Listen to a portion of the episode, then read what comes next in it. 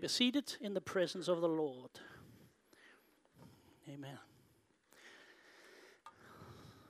Vi har de sidste uger her hørt om trosbekendelsen, og det har været en rejse, der har været helt igennem fantastiske. Vi har været igennem tre artikler eller afdelinger i den, den trosbekendelse, vi kender så godt. Vi har hørt om Gud, Fader som skaber. Vi har hørt om Jesus Kristus som frelser.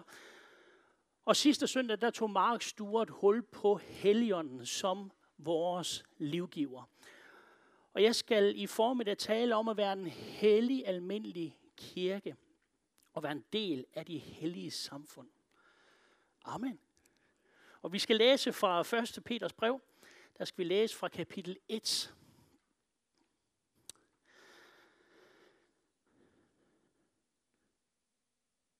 Ligesom han, der har kaldt jer, er hellig, skal også I være hellige i hele jeres livsførsel. For der står skrevet, at I skal være hellige, for jeg er hellig. Jeg ved ikke, hvilken tanker du gør dig, når du hører ordet hellig. Der er måske nogen, som tænker, mm, hellig, det er at være sådan lige lidt bedre vidne end alle mulige andre. Lige være en lille smule bedre end alle os andre. Andre tænker måske, det er at være mærkelig. Fordi man har set noget i fortiden, som har været vildt underligt. Men når Bibelen bruger ordet hellig, så er det det kraske ord hagios. Og i det ord, der ligger der en idé om at være anderledes. Om at være anderledes. Det jødiske tempel i Jerusalem var hellig. Det var anderledes end alle andre bygninger. Den jødiske sabbat var hellig, fordi det var anderledes end alle de andre dage. Og når Peter han siger her, at vi som kristne, vi skal være hellige, så betyder det ganske enkelt, at vi skal være anderledes. Vi skal være anderledes. Jesus han begyndte sin tjeneste med at forkynde det her radikale budskab og sige til alle hans tilhører, omvend jer, for Guds rige er kommet nær. Og det her lille ord, omvend, det kommer af det græske ord metanoia. Det betyder ganske enkelt, tænk anderledes. Det Jesus, han kom med, det budskab, han formidlede, var så anderledes, end det man ellers hørte på det tidspunkt. Han vendte nogle gange bøtten fuldstændig på hovedet. Han sagde, i stedet for at forbande dine fjender, så skal du velsigne dem, og du skal elske dine fjender. Til dem, som stod og manglede, så sagde han, i stedet for at holde på det, du har, så skal du begynde at give noget af det, du har. Så skal du få mere. Det var en helt anderledes måde at tænke på. Jesus, han, kom også med et budskab, der sagde, at hvis vi vil vinde livet, hvis vi virkelig vil finde det virkelige liv, så skal vi tage vores kors op og følge ham. Så er det død over selvet. For først når vi lægger vores liv ned, så finder vi det. En total anderledes måde at være på. Og hvis vi beslutter os for at følge i Jesu fodspor, så vil vores liv hen over tiden blive skældsættende anderledes. Ikke på den magværdige måde, men på den gode måde. Fordi vi i Jesus, der møder vi en så anderledes måde at tænke på. En anderledes måde at se mennesker på. Og en anderledes måde at leve på. Hvis vi virkelig som kristne omfavner Bibelens budskab til os, så vil vi over tid blive en hellig forsamling, som er meget anderledes end den populære kultur, som vi er en del af. Spørgsmålet er, om vi er modige nok til at ture og være anderledes. Tør vi være anderledes? Eller vil vi begynde at nedspille vores forskellighed i håbet om at passe ind til den kultur, der vi har omkring os? Fordi det er jo det er ofte det, der sker. Fordi vi bryder os egentlig ikke om at være anderledes. Vi bryder ikke om at være forskellige fra mængden. Så hvis vi ikke er opmærksom på det, så kan vi hurtigt nedspille os og tilpasse os den kultur, som vi er i. Men Paulus han siger, vi skal ikke tilpasse os vores kultur. Vi skal lade vores sind forvandle. Så vi bliver anderledes på den gode måde, begynder at tænke anderledes, begynder at se mennesker anderledes og begynder at leve anderledes. Så hvis vi virkelig er alvorlige i vores beslutning om at følge Jesus Kristus, så vil det føre til, at tingene bliver skældsættende anderledes. Vores liv vil være anderledes. Men ofte så nedspiller vi vores forskellighed. Vi tilpasser os. Og det er der faktisk, det er faktisk noget, som sker og har sket igennem alle år. Også i Bibelen. Apostlen Paulus, han holdt tre store missionsrejser i hans liv. Da han var ude på den anden missionsrejse, så skete der det, at der uanset hvilken by han kom til, så forkyndte han det gode budskab om Jesus Kristus. Og de mennesker, der valgte at tage imod og komme til tro på Jesus Kristus, så blev der der på det sted der en lille menighed. Og menigheden den voksede og voksede og voksede. Og da han havde nået en vis størrelse, så besluttede Paulus, så nu er det tid til at tage til en anden by, som skal høre om Jesus. Så han besøgte by efter by.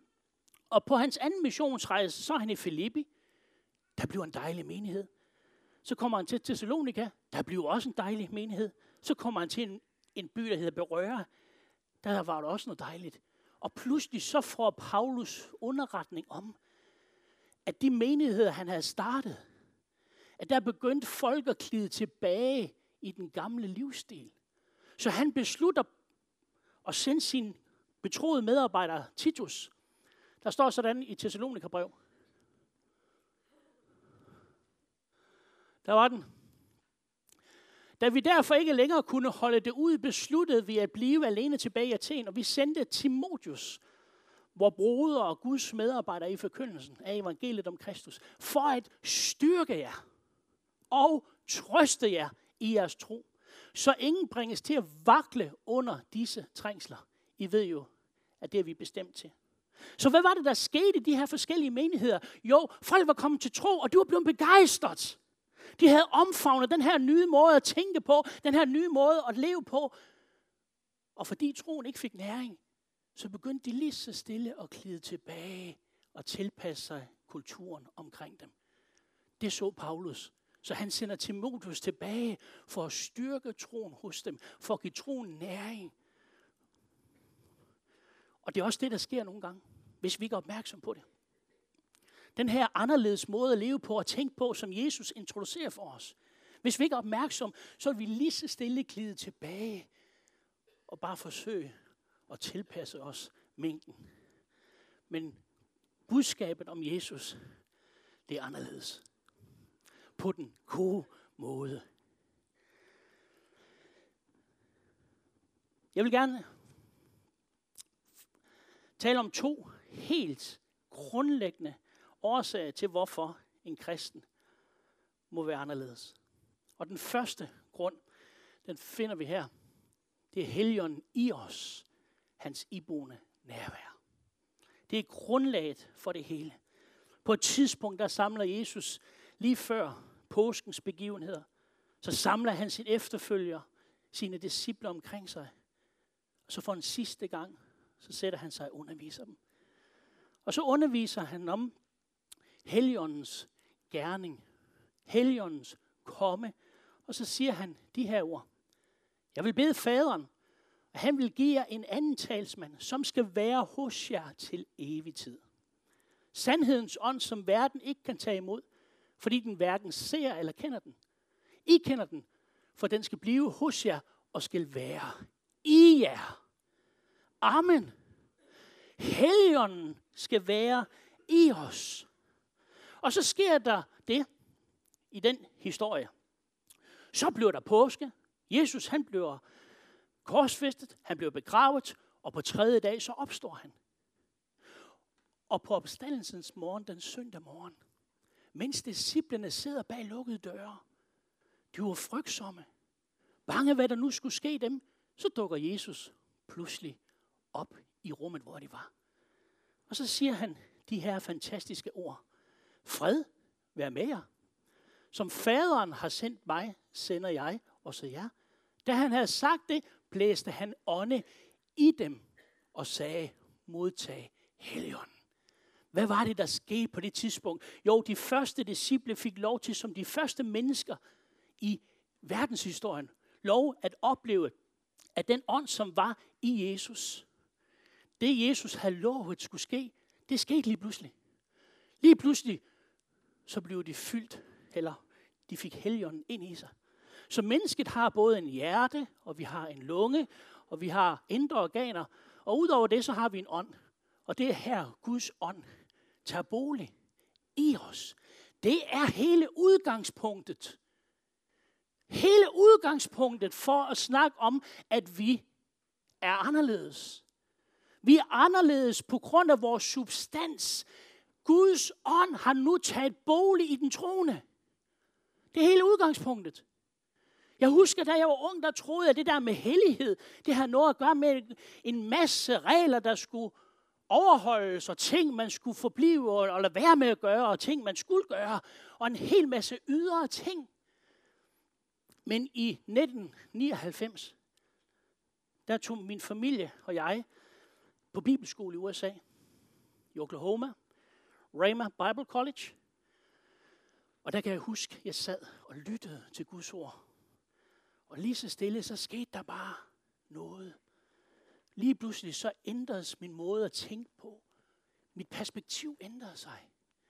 Og jeg plejer at forklare det på den her måde. Det, der egentlig skete, billedligt talt, det var, at jeg opfattede mit kristenliv før til, førhen. Du ved, hvis du forestiller dig, at et ræb kom ned fra loftet, og så forsøgte det simpelthen at kravle op af det her ræb, og jeg skulle virkelig anstrenge mig for at holde godt fast i det her ræb. Og så kom vi til gudstjenester, og vi blev, åh, vi blev slappe. Og så kom vi til gudstjenester, så kunne vi lige hive os op med nød og næppe. Men det, der skete der, mens jeg sad og lyttede til Guds ord, at helgen var nu kommet ind i mig, det var, at rebet billedligt talt blev snort rundt om mig, og så kunne jeg ikke slippe og hvile. Bam. Hvile. Kristus i mig. Det handler ikke om, hvad jeg skal gøre for Kristus. Først og fremmest, det handler om at omfavne det, Kristus har gjort for mig. Det er hele udgangspunktet for det kristne liv. Og pludselig, da jeg så det, at Guds ånd er kommet ind i mig, så kunne jeg slappe af og hvile. Og ud fra den hvile, så kan man rigtig nok være aktiv. Men det sker ud fra den position. Helligånden i os, hans iboende nærvær. Det er fantastisk at tænke på. At vi som kristne, vi har faktisk det i os, som vi trænger til. Johannes han siger, større er han, som er i jer, end han, som er i verden. Når Jesus siger de her ord, jeg vil være med jer alle dage, ind til verdens ende. Når han siger det her, jeg vil aldrig svigte og forlade jer. Hvad er det så? Hvor, hvordan kan det være? Jo, det er fordi, at han har lovet at tage bolig i den troende ved Helligånden. Han bor nu derinde. Jamen, er det ikke billedligt tale? Nej. Paulus siger, at vi er blevet et tempel for Guds hellige ånd. I forår eller efterår 2004, der var jeg i Thailand sammen med familien og besøgte noget missionsarbejde dernede. I Thailand der er 95 procent af befolkningen buddhister. Når de skal møde deres Gud, så går de ind i nogle byggede templer. Og der kunne de så møde deres Gud. Og så gik de hjem igen. Men Guden blev derinde i templet. Sådan er det ikke i den kristne tro. I den kristne tro. Vi kommer ikke til et, tempel, et tempel, der er bygget med hænder. Nej, Guds ånd er kommet ind i mig. Mit lægeme, min krop er nu blevet tempel for Helligånden. Han er med os overalt, hvor vi går. Det er en fantastisk tanke. Derfor skal vi kristne vare os for hele tiden at være pylderhoveder. Nogle gange så kan vi blive så pyldret i vores kristendom. Ja, men hvor er Gud nu hen? Han er derinde. Han er ikke sådan en flygtig gæst, der er der, når vi kun har det godt og så videre. Nej, han har lov at tage bolig. Han skulle være i os til evig tid, sagde Jesus. Ved I hvad? Halleluja. Vi er tusind gange større på indersiden, end vi er på ydersiden. Halleluja. Det er udgangspunktet for at være anderledes. Det er, fordi vi er anderledes som kristne i vores grundsubstans. Vi har fået del i Guds helligånd. Amen. Hvad laver han så derinde, helligånden? Der var engang en, der spurgte, efter jeg var en bibeltime, hvad laver han der? Godt spørgsmål. Jo, men hvad er det, han gør det? Han producerer Jesu karakter i os. Paulus han siger sådan her, åndens frugt, det er kærlighed, det er glæde, det er fred, det er tålmodighed, det er venlighed, det er godhed, det er trofasthed, det er mildhed. Det er helt vildt, og, der, og så kommer selvbeherskelse. Er det ikke fantastisk? Så det, det handler om for os, det er at holde os tæt på Jesus igennem bibellæsning og bøn. Så produceres frugten helt automatisk. Jesus siger, jeg er vintræet i er grenene. Den, der bliver i mig, og jeg i ham, han bærer mig en frugt. Forskel for mig kan I slet intet gøre. Se, det er helliggørelse. Det er at tro på, ved du hvad, jeg overgiver mig. Helliggørelsen er vi tro også. Det er egentlig at holde mig tæt til Jesus. Så skal han nok producere det, som er så anderledes. Det, som er så anderledes. Det skal han nok producere igennem os. Den anden ting, jeg godt lige vil gøre opmærksom på her, det er, den anden ting, det er helgen over os. Det er hans iklædende kraft. Det er så vigtigt, at vi får fat på de her begreber. Altså, helgen er i os, men han er også over os, hans iklædende kraft. Til de selv samme disciple, som oplevede, at Jesus dukkede op i lokalet og pustede ånd i dem. Til de selv samme disciple, siger han de her ord. Jesus pålagde dem, pålagde dem, at de ikke skulle forlade Jerusalem, men skulle vente på det, som faderen havde lovet. Om det, jeg har hørt mig sige, Johannes støbte med vand, men I skal døbes med helgen. I skal få kraft, når helgen kommer over jer. Og I skal være mine vidner både i Jerusalem, Judæa og Samaria og lige til jordens ende. Det var de selv samme disciple, som han havde pustet livsånd ind i. De var blevet født af ånden. Men nu skulle de få en anden erfaring af den samme helligånd. Helligånden skulle komme over dem og iklæde dem kraft og styrke til at være et vidne om Jesus. Det var en anden erfaring af ånden. Det er så afgørende, at vi oplever det også. Jeg husker i mit barndomshjem, vi op, jeg er opvokset i et dejligt troende hjem. Da mine forældre var 35 år, så kiggede de på hinanden og tænkte, Ruth, og Ruth kiggede på Bjørn, og så sagde de, der må der være mere i kristendommen, end det vi har oplevet. Så min far, han så en annonce i en kristen avis. Der var en mand, der hed Orla Lindskov oppe i Hals, han holdt et stuemøde, og han øh, havde annonceret noget med helgen. Så min far, han tager derop og er nysgerrig. Sulten efter at opleve mere. Kan vide, om der er mere til den kristendom, han levede på det tidspunkt. Og der på det møde, så hører han om, at helgen kan komme over dig. Og han tænkte, wow, det var da vildt. Og i afslutningen af det her stuemøde, så giver Ola Lindskov mulighed for at blev bedt for. Og min far han tænkte, det der må jeg da have fat på. Det har jeg aldrig hørt i den menighedssammenhæng. Jo, kom de. Så han gik frem, og han fik lov at opleve det her. Helligånden kom over ham. Han blev døbt med helligånden. Det er bare et andet ord for det. Og det satte godt nok fod i ham. Han begyndte at holde netværksgrupper for, at der var noget i kirkelivet, der var moderne, der, og der var netværksgrupper i det hele taget. Han begyndte at holde stuemøder. Der kom 5, der kom 10, der kom 15, der kom 20, der kom 25. Pludselig så var der simpelthen så mange i den der stue. Og min mor så den her forvandling, der skete med min far. At der var en anden begejstring, der var noget andet liv over ham. Så hun tænkte, jamen jeg må, jeg, jeg, jeg, jeg må have det samme som Biver. Så næste gang der var en artikel i øh, det der kristne tidene der, øh, så kom han igen, ham her Ola Lindskov. Min mor skulle op og have fat på, og hun blev fyldt med helgen også. Efter havde oplevet 25 år som kristen. Hun havde Guds ånd i sig, hans iboende nærvær. Men hun manglede en oplevelse. Det var den samme helgen. Men helgen kom over hende og over min far.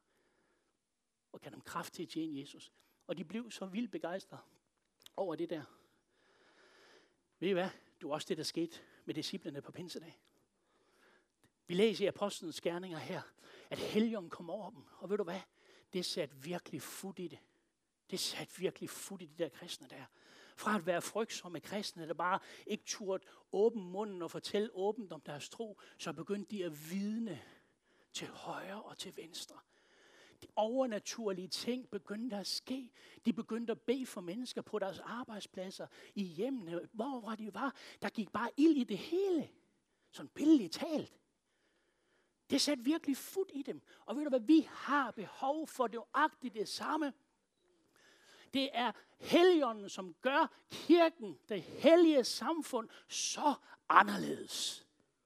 Vi skal passe på, at vi ikke tilpasser os den kultur, vi er, og nedspiller den anderledeshed på den gode måde, som ligger i vores DNA. Ved I hvad?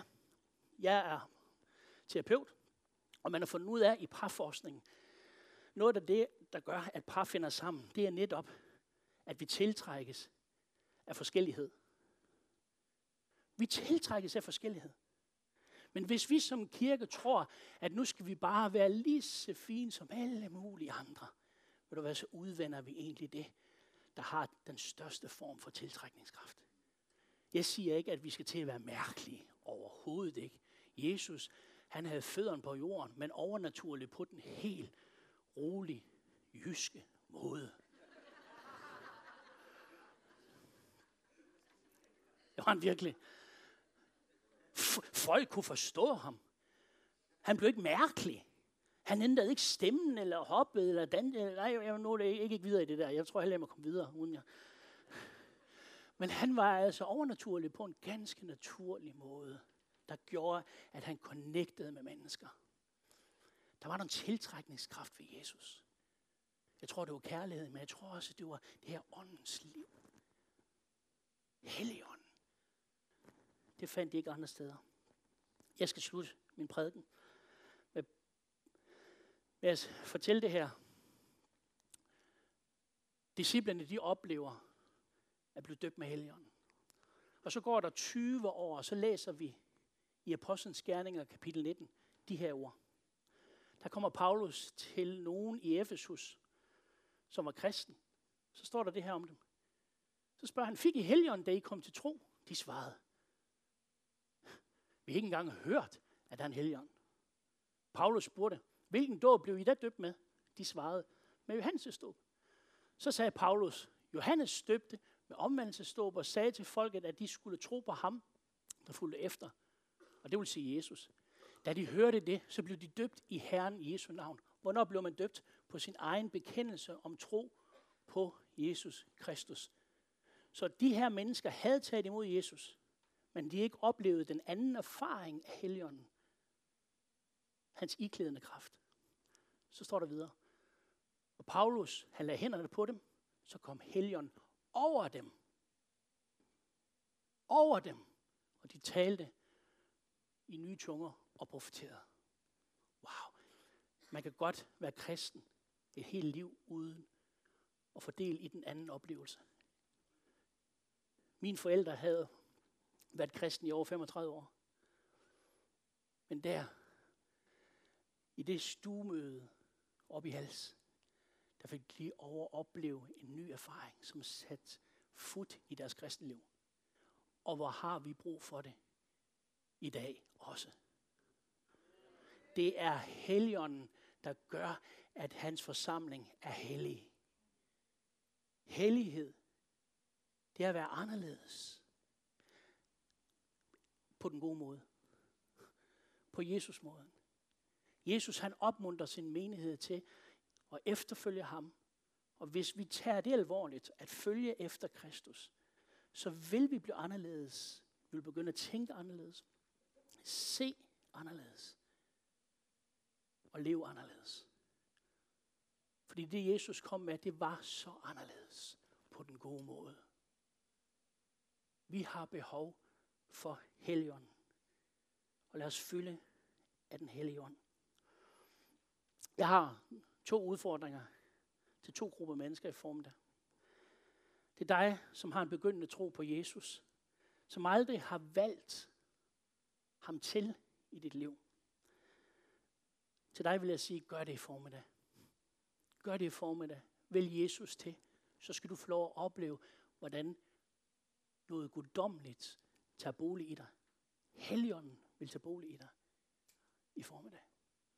Den anden gruppe, det er jer, som sidder her og har oplevet og har valgt Kristus til. Men I har behov for den anden erfaring. I har behov for at blive iklædt kraft fra det høje til at tjene ham i den her verden.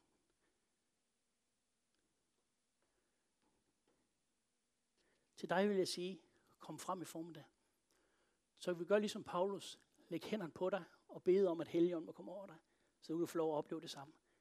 Jesus han siger sådan her, kunne nogen af jer, som er forældre, finde på at give jeres børn en slange at spise, hvis de bad om en fisk? Vil I servere en skorpion for dem, hvis de bad om æg? Når altså I, som er onde, kan finde, øh, kan finde ud af at give jeres børn det, som er godt, hvor meget mere skulle så ikke jeres himmelske far Giv helgen til dem, der beder ham om det? Han ønsker det langt, længe, langt mere, end du sidder med en længsel efter det. Han vil elske, at du kommer frem i form af det. Med en længsel. Så vil han lade helgen komme over jer. Vi skal slutte nu her. Jeg vil bede lovsangen om at komme op. Peter siger sådan her.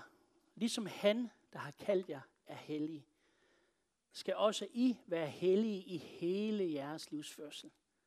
For der står skrevet, at I skal være hellige, for jeg er hellig. Der er to grundlæggende ting, der må ske, for at vi kan blive anderledes på den her gode måde. Det er, at vi må opleve, at Helligånden kommer ind i os. Fordi det er hans værk i os, der gør, at vi er anderledes. Det er fordi, vi ændres i vores substans. Men vi må også opleve, at helgen kommer over os. Og det kan vi opleve i formen af. Er I med på det? Det er overhovedet intet spukket. Og man behøver overhovedet ikke at hverken rende eller sige som en høen eller alt muligt andet underligt. Jeg ved, I har set så meget op igennem årene. Så meget, der har været så usundt. Så meget, der har været i ekstremerne. Og så er man blevet måske lidt, åh ja. Men ved du hvad? Den mest karismatiske person, der er levet på jorden. Hans navn er Jesus Kristus. Han var så normal. Så rolig og afbalanceret. Men alligevel så overnaturlig. Og det er min længsel. Det er den kirke, jeg tror på. Ikke den mærkelige af slagsen, men den Jesus slags. Amen. Skal vi rejse os?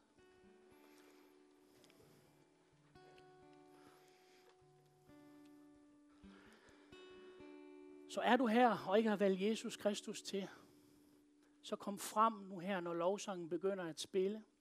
Så kom frem her til korset på jeres højre side her. Så vil der være nogen, der kan være med til at bede for dig. Men er du også her og ikke oplever den her anden erfaring af ånden? At ånden er kommet over dig og iklædt dig kraften fra Jesus, så skal du også komme frem. Jeg vil opmuntre dig. Kom frem, og så skal vi bede for dig og lægge hænderne på dig, som apostlen Paulus gjorde det. Så skal vi bede om, at helgen må komme over dig. Så lad os her i afslutningen af vores gudstjeneste bare søge Gud sammen, inden vi slutter.